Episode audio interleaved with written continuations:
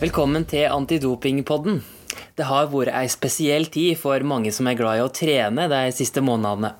Treningssentra har jo ikke vært åpne siden starten av mars, og det er jo mange som har alle treningsøktene sine på et treningssenter til vanlig. Noen har kanskje dermed stoppa helt å trene og fått ei skikkelig treningspause. Andre har blitt bekymra for om eh, de har mista musklene når de ikke får løfte tunge vekter.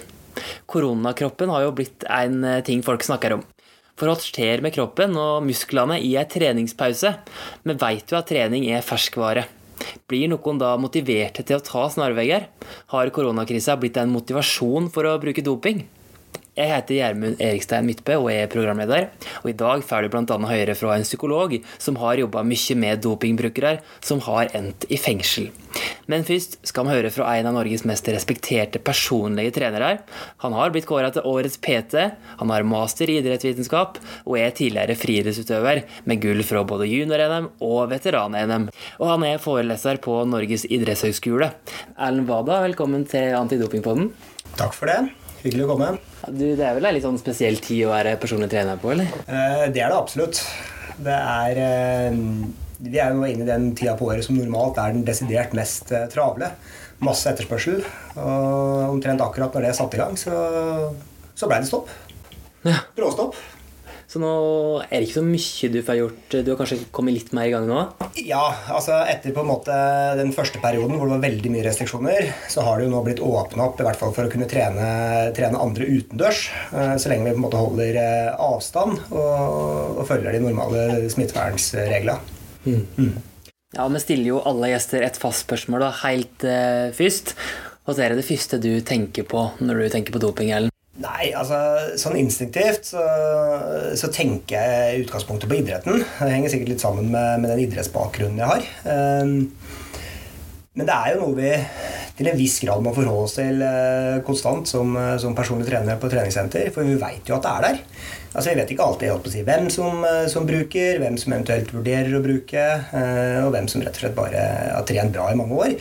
Men, men det er jo en problemstilling som er veldig aktuell for oss i bransjen. Kjenner du det her igjen som jeg presenterte i innledninga der, da? At koronakrisa det har vært en tung tid for eh, treningsglade, spesielt de som er glad i treningssentertrening?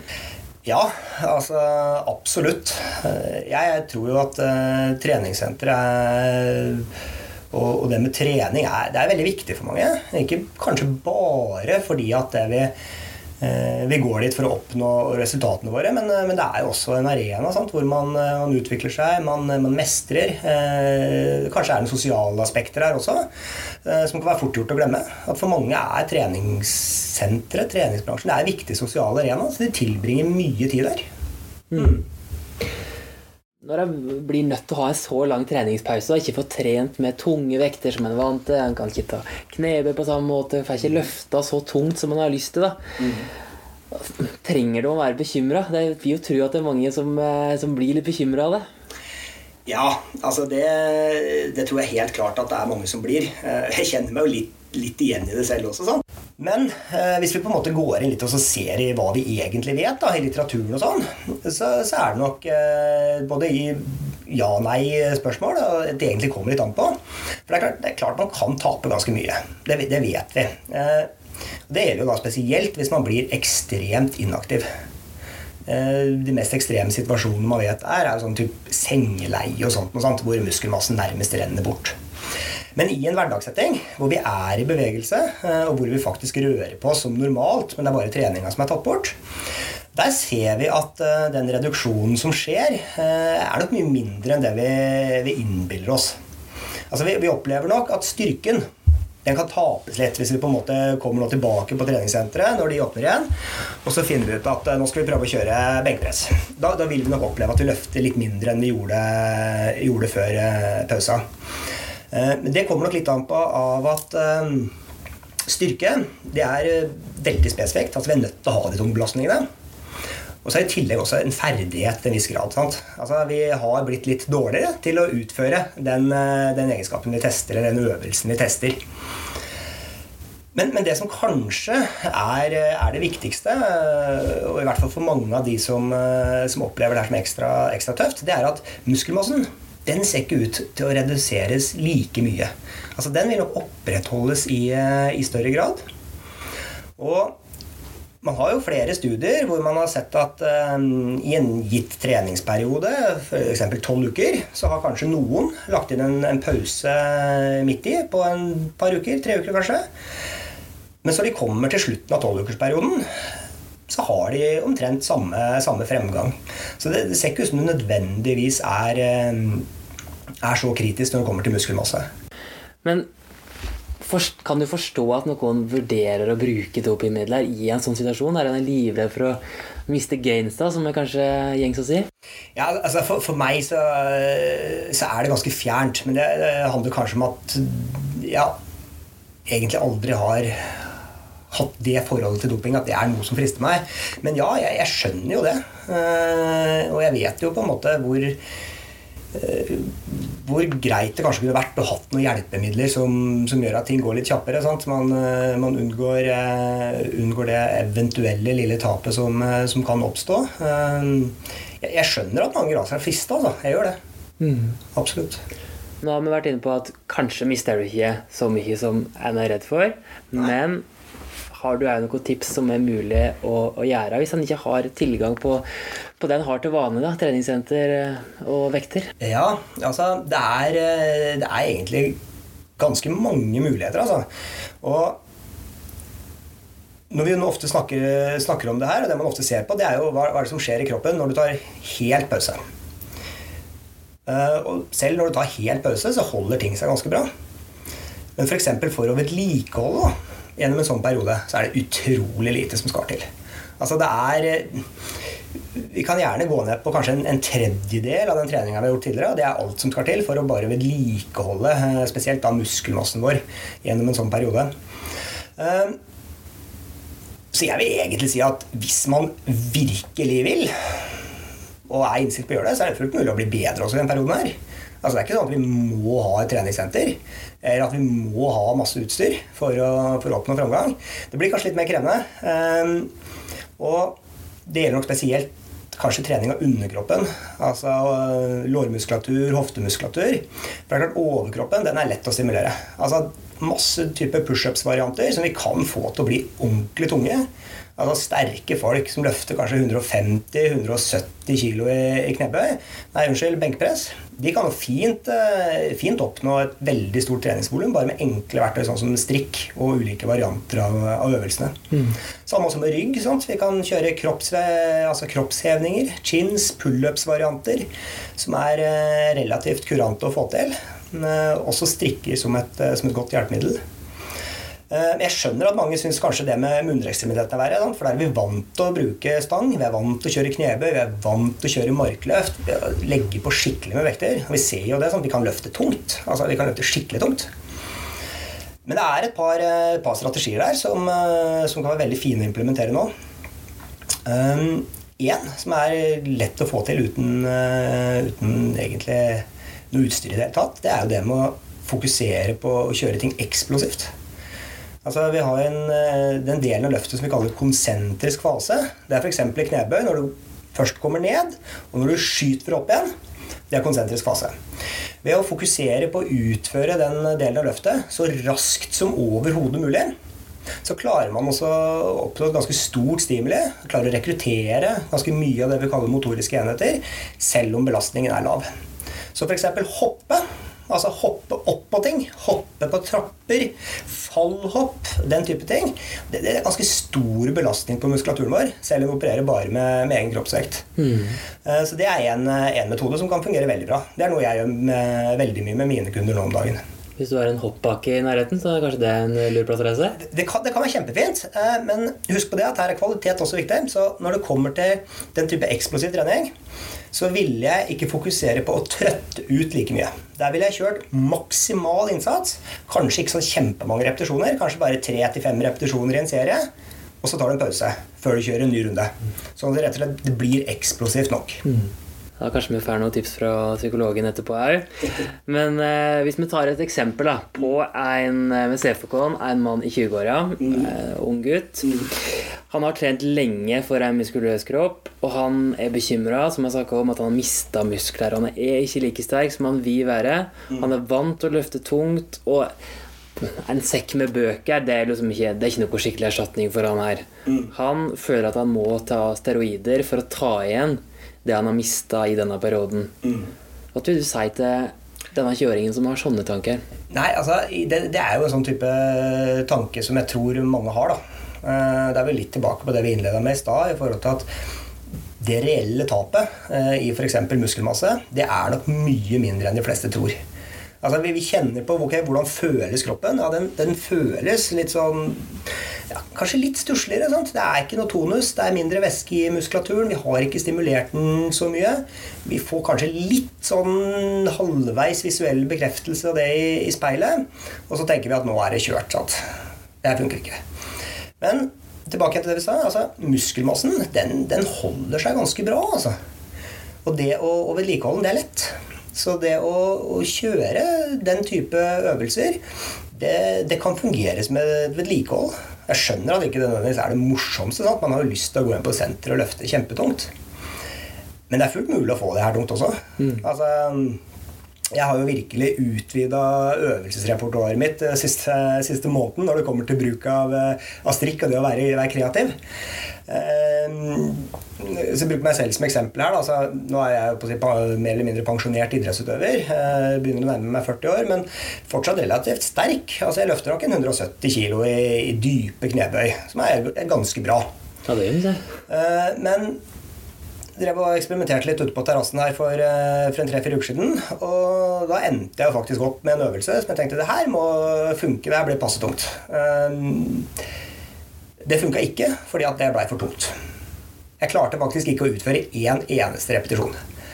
Jeg eh, nedskalerte den litt, da, da gikk det fint. Da klarte jeg tre, fire, fem repetisjoner over tre sett. Da gjorde jeg så enkle ting som at, eh, at jeg kjørte en sekk, sånn som han snakka om. I tillegg så kjørte jeg strikk. Eh, og så valgte jeg å kjøre ettbeinsøvelser. Og det er et godt tips som alle kan ta med seg nå.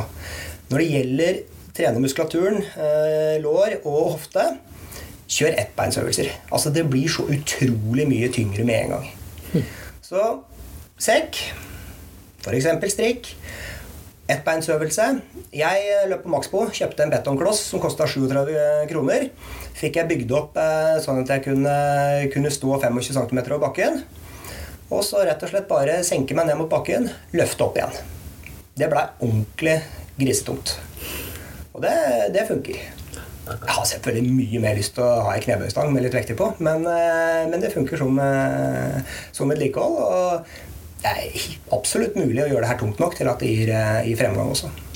Og det er noe langt bedre enn en snarvegg som doping? Ja, jeg ville nok si at det er veldig, veldig mye bedre.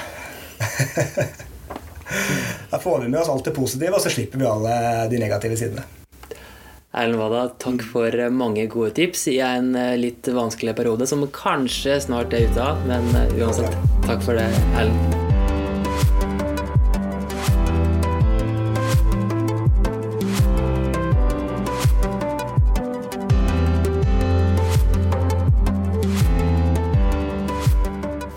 Skal vi videre til en som har peiling på det som foregår i topplokket. Eh, han er veldig vant til å jobbe med denne typen personer som både vurderer og har brukt eh, doping. Han er en kjent og veldig erfaren psykolog som bl.a. har jobba med menn som har vært sinna og fortvila i fengsel. Han har klinisk spesialitet i barne- og ungdomspsykologi og òg i rettspsykologi og skrev nylig en artikkel sammen med Kaja Asbjørnsen Bettin om at digital psykologi kan være viktig i koronatida, som vi fortsatt er en del av da. Svein Øverland, velkommen til Antidopingpodden. Tusen takk. Åssen er det for deg om dagen? Preger dette denne tida deg som psykolog? Ja, jeg merker jo det. Eh, nå er jeg jo en sånn person som ikke er sosial av meg, så jeg savner ikke på en måte kaffen på, på, på lunsj og dårlige møter. Eh, men jeg jobber jo, som du sier, også i fengsel. Og eh, fengselsinnsatte har jo skulle si, det ekstra vanskelig i dag, fordi det er mer såkalt innlåsning. Og så har de lenge ikke hatt fått besøk av, av barna sine, blant annet. Eh, så det har jo vært en del eh, knytta til, til, det. Ellers så har jo jeg, som du viser til, vært opptatt av at også psykologer må møte folk utenfor psykologkontorer. Da. Og det har jo psykologene kanskje blitt litt ekstra motivert å gjøre i disse dager. Da. Så noe godt kommer det ut av det. Ikke sant. Men må spørre deg, som jeg er alle, til alle gjester i Antidopingpodden, hva er det første du tenker på når, når jeg sier doping? Jeg får jo masse liksom, minner til folk jeg har møtt i fengsel, da, som har uh, dopa seg mye og gjerne også er torpedoer og bruker amfetamin. Da, som på en måte da når de kommer i fengsel, så, så får de en liten meltdown. Da. Uh, rett og slett for at det, livet deres uh, går fra 100 km til 0 km i timen, for å si det sånn. og da merker jo de på en måte først da på en måte hvor, hvor, dumt det er da, både å ruse seg og være kriminell. da. Så jeg har mange, mange, hatt mange samtaler med menn i en sånn situasjon. da. Mm. Tror du personer som er vant til å prestere både på trening og i konkurranse, opplever dette her? Denne lockdownen som vi er snart er ute av? Jeg tenker det må være eh, forferdelig. Altså, det er jo noe på, altså selv, selv, eh, jeg og vi, vi, andre som på en måte ikke er så superinteressert i trening, så er det et eller annet med Selv jeg savna jo treningsstudiet mitt. For én ting er jo på en måte det med å, å bygge muskler og det å, å, perse og sånne ting, men det er et eller annet med de gode tinga. Jeg tenker For veldig mange så er jo det å være på treningsstudiet er nettopp en sånn pause i hverdagen der de kan konsentrere seg om én ting. Så jeg tenker på dem som nå trener ekstra mye. jeg tenker jeg kjenner det her enda verre, rett og slett. Så jeg, har veldig sympati med dem. Nå har du hørt på, på det Erlend Wada, personlig trener, eh, snakka om tidligere i podkasten. Tror du noe av det han sier kan være til hjelp, eller? Jeg syns det han sa var genialt, det må jeg bare si. En klok, klok mann. Uh, og særlig det der med det der med muskelmasse og, og størrelse, at det, det ikke er et slags én-til-én-forhold til det, og at det, det, faktisk ikke er så alvorlig som man tror. Og Sånn er det ofte uh, med, oss, med, oss, mennesker. Vi, vi har noen sånne uh, ideer om, om, verden som vi er ganske sikre på, selv om det ikke stemmer. Da. Så jeg håper at når folk hører det han sier med sånn logikken eh, fremme og av en erfaring og tillitsfull person, så tror de på det. Men, men for veldig mange så har de vanskelig for å tro på det. for for det føles ikke sånn. Men, men, logikken er jo det viktigste her, bare så det er sagt. Og verden er full av folk som har sterke meninger om ting som er feil. Eh, så hvis du eh, går rundt og eh, er veldig redd for å, for å miste alt det du har bygd opp, så, så, må du bare tro på det du hører her nå, og mm, bruke hodet ditt og logikken og tenke sånn så at selv om jeg føler det sånn, så er det nok ikke sånn. Det, de, de inputa vi fikk der, både om fysiologi og erfaringer, dem bør vi virkelig høre på. Og da, da viser det seg at det er jo ikke så gærent som veldig mange tror. Men kan du forstå at noen bruker dopingmidler i denne perioden for å, for å føle seg bedre? For, å, for han er redd for at han har mista mye trening og mye muskler? Ja, jeg forstår det veldig, veldig godt. Jeg syns det er veldig naturlig for oss mennesker å, å, å, og leite etter snarveier, vi er redd for å miste ting vi har. Så det er helt naturlig at du, du blir stressa. Og når det gjelder trening, så tenker jeg at eh, selv for meg som ikke er noen sånn hypertrener, så savner jo jeg å gå på treningssenter, for det er så mye annet. Det er på en måte det at du er en plass og bare kan tenke på en måte én ting og slippe å bekymre for si, hverdagen sin surr og tull. Og den godfølelsen du har, så jeg har veldig stor forståelse forståelse for at folk savner, savner, det. Og særlig nå i disse tider der kanskje folk også har bekymringer i tillegg, så er på en måte det å fokusere seg på, på, på trening og se noe som faktisk gir resultater, er, er, er, jo ekstra viktig. Så jeg har stor sympati med dem som, som trener mye og som blir forhindra med å gjøre det så godt som de skulle ønske. Mm. Vi snakka med, med Erlend, personlig trener, om et eksempel. da, En mann i 20-åra som er vant til å løfte tungt, og han føler han ikke får ut, ut noe av å løfte f.eks. en sekk med bøker da, eller andre ting som ikke er vekter som han er vant til. Og han mener at han bør bruke steroider for å ikke miste muskler, da, miste gains i denne perioden. Hva tenker du er viktig for han å vite fra, fra din ståsted som psykolog? Jeg tenker det at det er viktig å vite det at du veldig ofte tenker feil her i verden.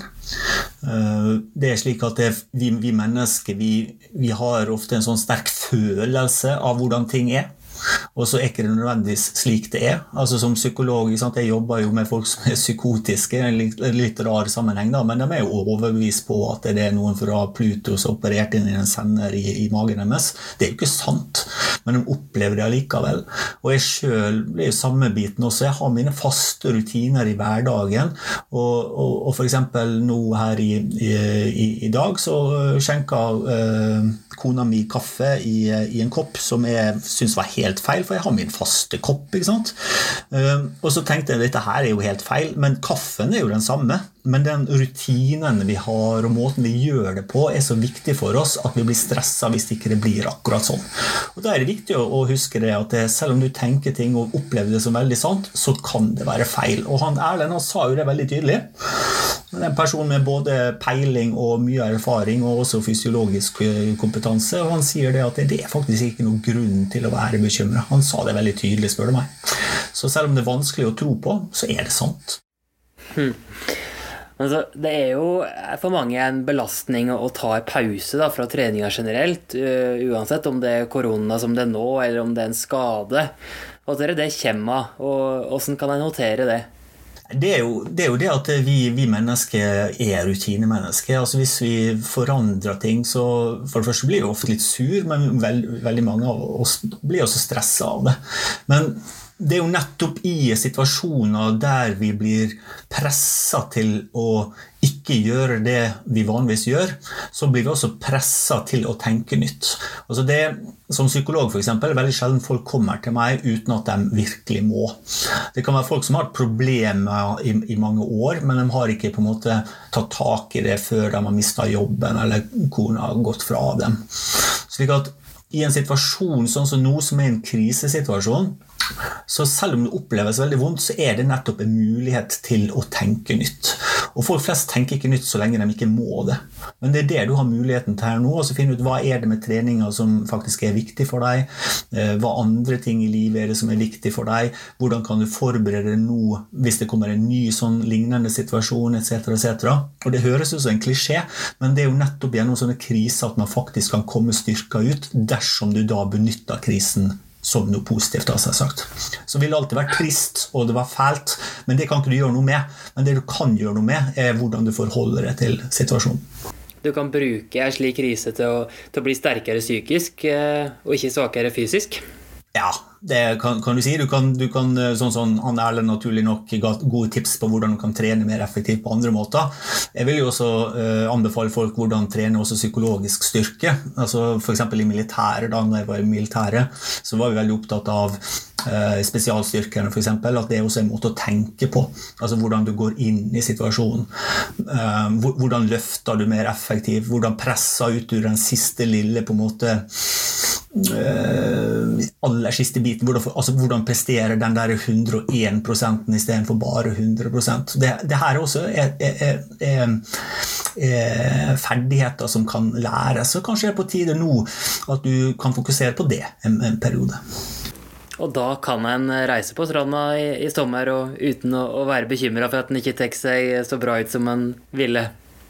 Ja, altså jeg, jeg, tror nok som sagt at det, det, det vil være alltid sånn liten nagende sånn bekymring, kanskje, eller tenk hvis, eller et eller annet sånn, eller bitter på at man mista noen ting. Men, men, men, det er mer sånne tanker som du må bare legge merke til, akkurat som eh, Som på en måte Ja, litt sånn se, se, på de tankene som at det er bare Det er tanker er tanker. Det det er ikke noe farlig i det hele tatt. Så lenge du kommer deg ut, og så lenge du gjør det best i, i situasjonen kommunikasjon, så er det det viktigste, eh, rett og slett. Veldig gode innspill, psykolog Svein Øverland. Tusen takk for at du var med i Antidopingpodden. Sjøl takk. Ja, Det var den andre episoden av Antidopingpodden. Takk til Erlend Wada og Svein Øverland. Vi kommer med to nye episoder i løpet av eh, juni måned. Der får du bl.a. møte Bente Skari, tidligere skidronninga, og Tarjei Bø. Vi skal høre med deg åssen det er å konkurrere mot dopingtatte utøvere. Abonner på Antidopingpodden der du hører på podkast. Vi snakkes.